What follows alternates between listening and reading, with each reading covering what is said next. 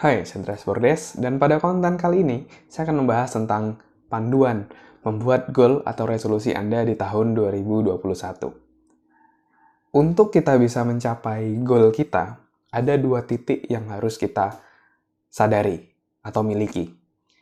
Yang pertama, kita harus tahu dulu ke mana kita mau menuju, dan yang kedua adalah tahu di mana kondisi kita saat ini. Posisi kita saat ini ada di mana. Sama seperti ketika kita misalnya mau pesan Gojek atau Grab gitu ya, untuk kita pasti ketika mau mencapai sebuah tujuan, mau pesan Grab Car misalnya, pasti ditanya yang pertama, mau ke mana? Dan yang kedua adalah saat ini posisinya di mana, mau dijemput di mana. Secanggih apa pun mapnya, tapi kalau kita nggak tahu mau ke mana dan situasi kita ada di mana, posisi kita ada di mana, orangnya akan bingung mau nganter kita ke mana. Maka dari itu, ketika kita tahu dua titik tersebut, drivernya akan menjadi tahu harus lewat mana untuk mencapai titik tersebut. Dan begitu juga dalam hidup, kita harus tahu dulu ke mana target kita, posisi kita ada di mana. Baru setelah itu kita memikirkan strateginya apa, apa yang harus kita lakukan setiap hari untuk mencapainya. Jadi dalam hidup ini kita harus menjadi proaktif. Kita harus mengeset apa sih yang mau kita inginkan, target kita ke mana, baru kita mengisi hari-hari kita untuk mencapai target tersebut. Bukan hanya sekedar ngalir, ngalir, ngalir, tapi nggak tahu akhirnya mau ke mana. Jadi harus ada target atau tujuan yang ingin dituju. Lalu gimana caranya untuk membuat resolusi atau goal?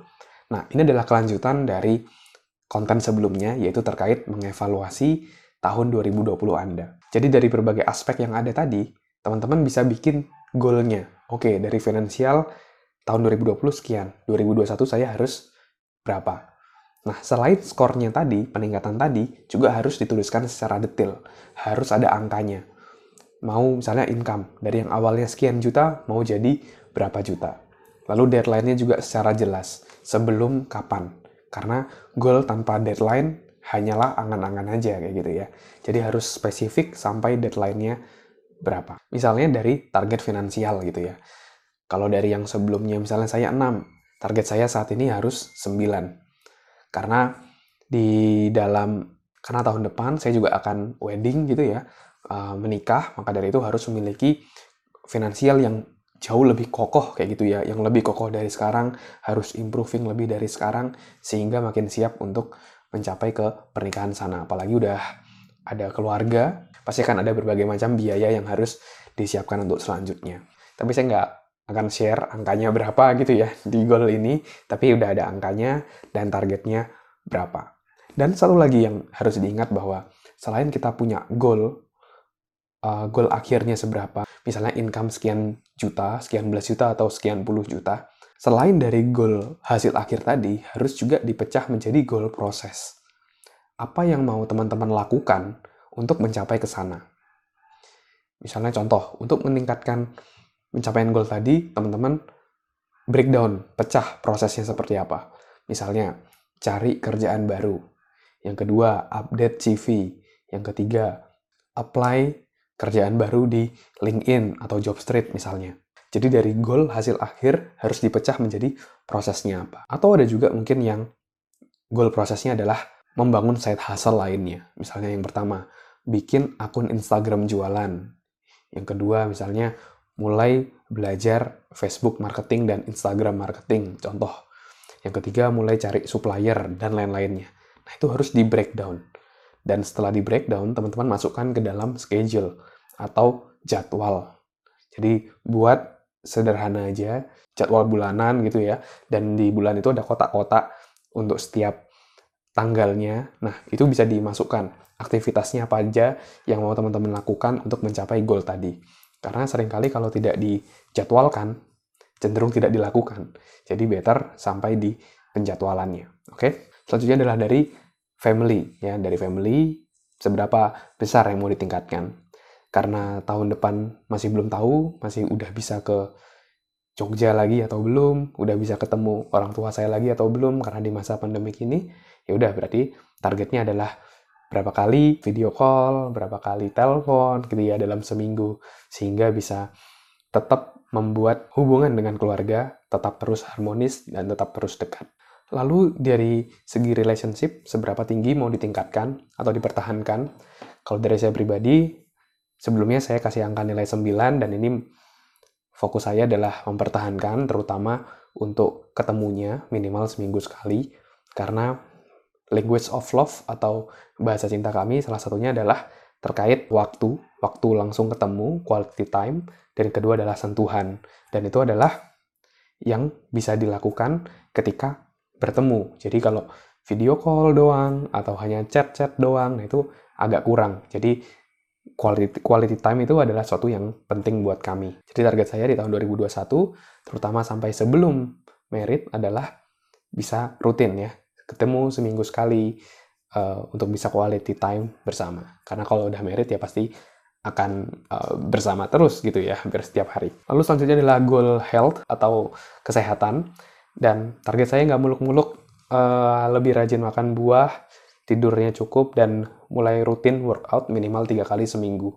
Meskipun sibuk. Karena saya sempat beberapa kali bolong gitu ya. Karena saking sibuknya, banyak banget yang harus dilakukan. Akhirnya ada minggu-minggu yang hanya sekedar sekali workout, dua kali workout, kayak gitu. Jadi harus mulai lebih konsisten agar tetap lebih sehat, tetap fresh, dan bisa beraktivitas secara optimal. Lalu spiritual.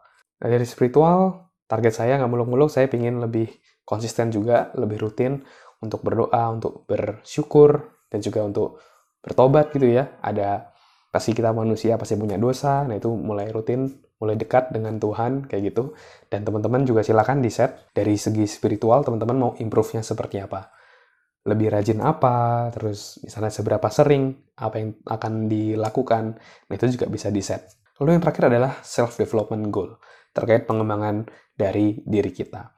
Dan di tahun 2021, saya juga akan mengimprove diri saya dari berbagai macam hal gitu ya.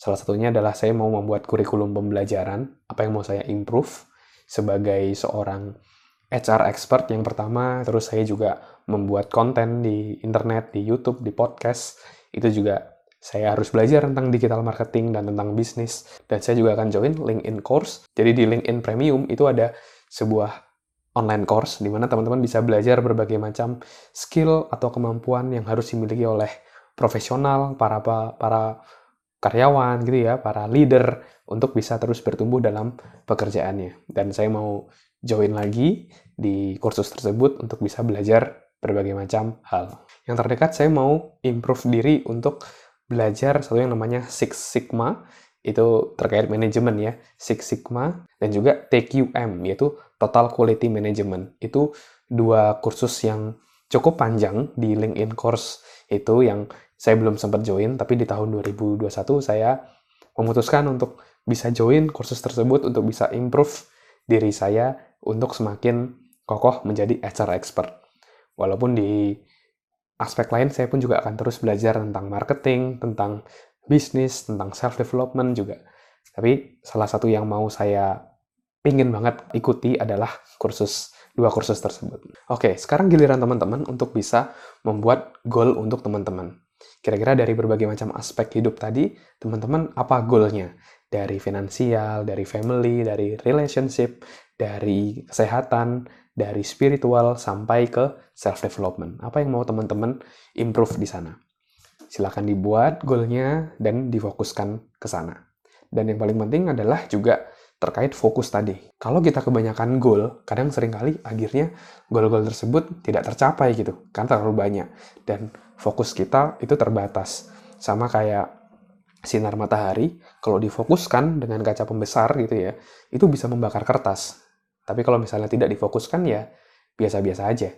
Dan maka dari itu juga untuk pencapaian goal itu penting untuk kita bisa memfokuskan apa yang mau kita tuju. Sehingga kita bisa membakar target tersebut dan mencapai target tersebut.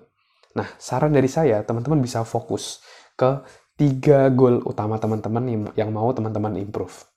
Misalnya contoh, oke, okay, saya mau fokus di health, kesehatan, saya harus jauh lebih sehat, harus jaga gaya hidup, pola hidup harus dijaga agar lebih sehat, agar bisa jauh lebih produktif. Lalu yang kedua, saya akan fokus di income, saya akan fokus meningkatkan income saya untuk melewati masa-masa seperti ini dan juga agar saya terus bertumbuh untuk mencapai goal finansial saya selanjutnya agar saya bisa investasi misalnya. Dan yang ketiga adalah dari spiritual. Saya akan fokus juga mendekatkan diri dengan Sang Pencipta, dengan Tuhan, lebih rajin berdoa sehingga hidup saya jadi jauh lebih terberkati.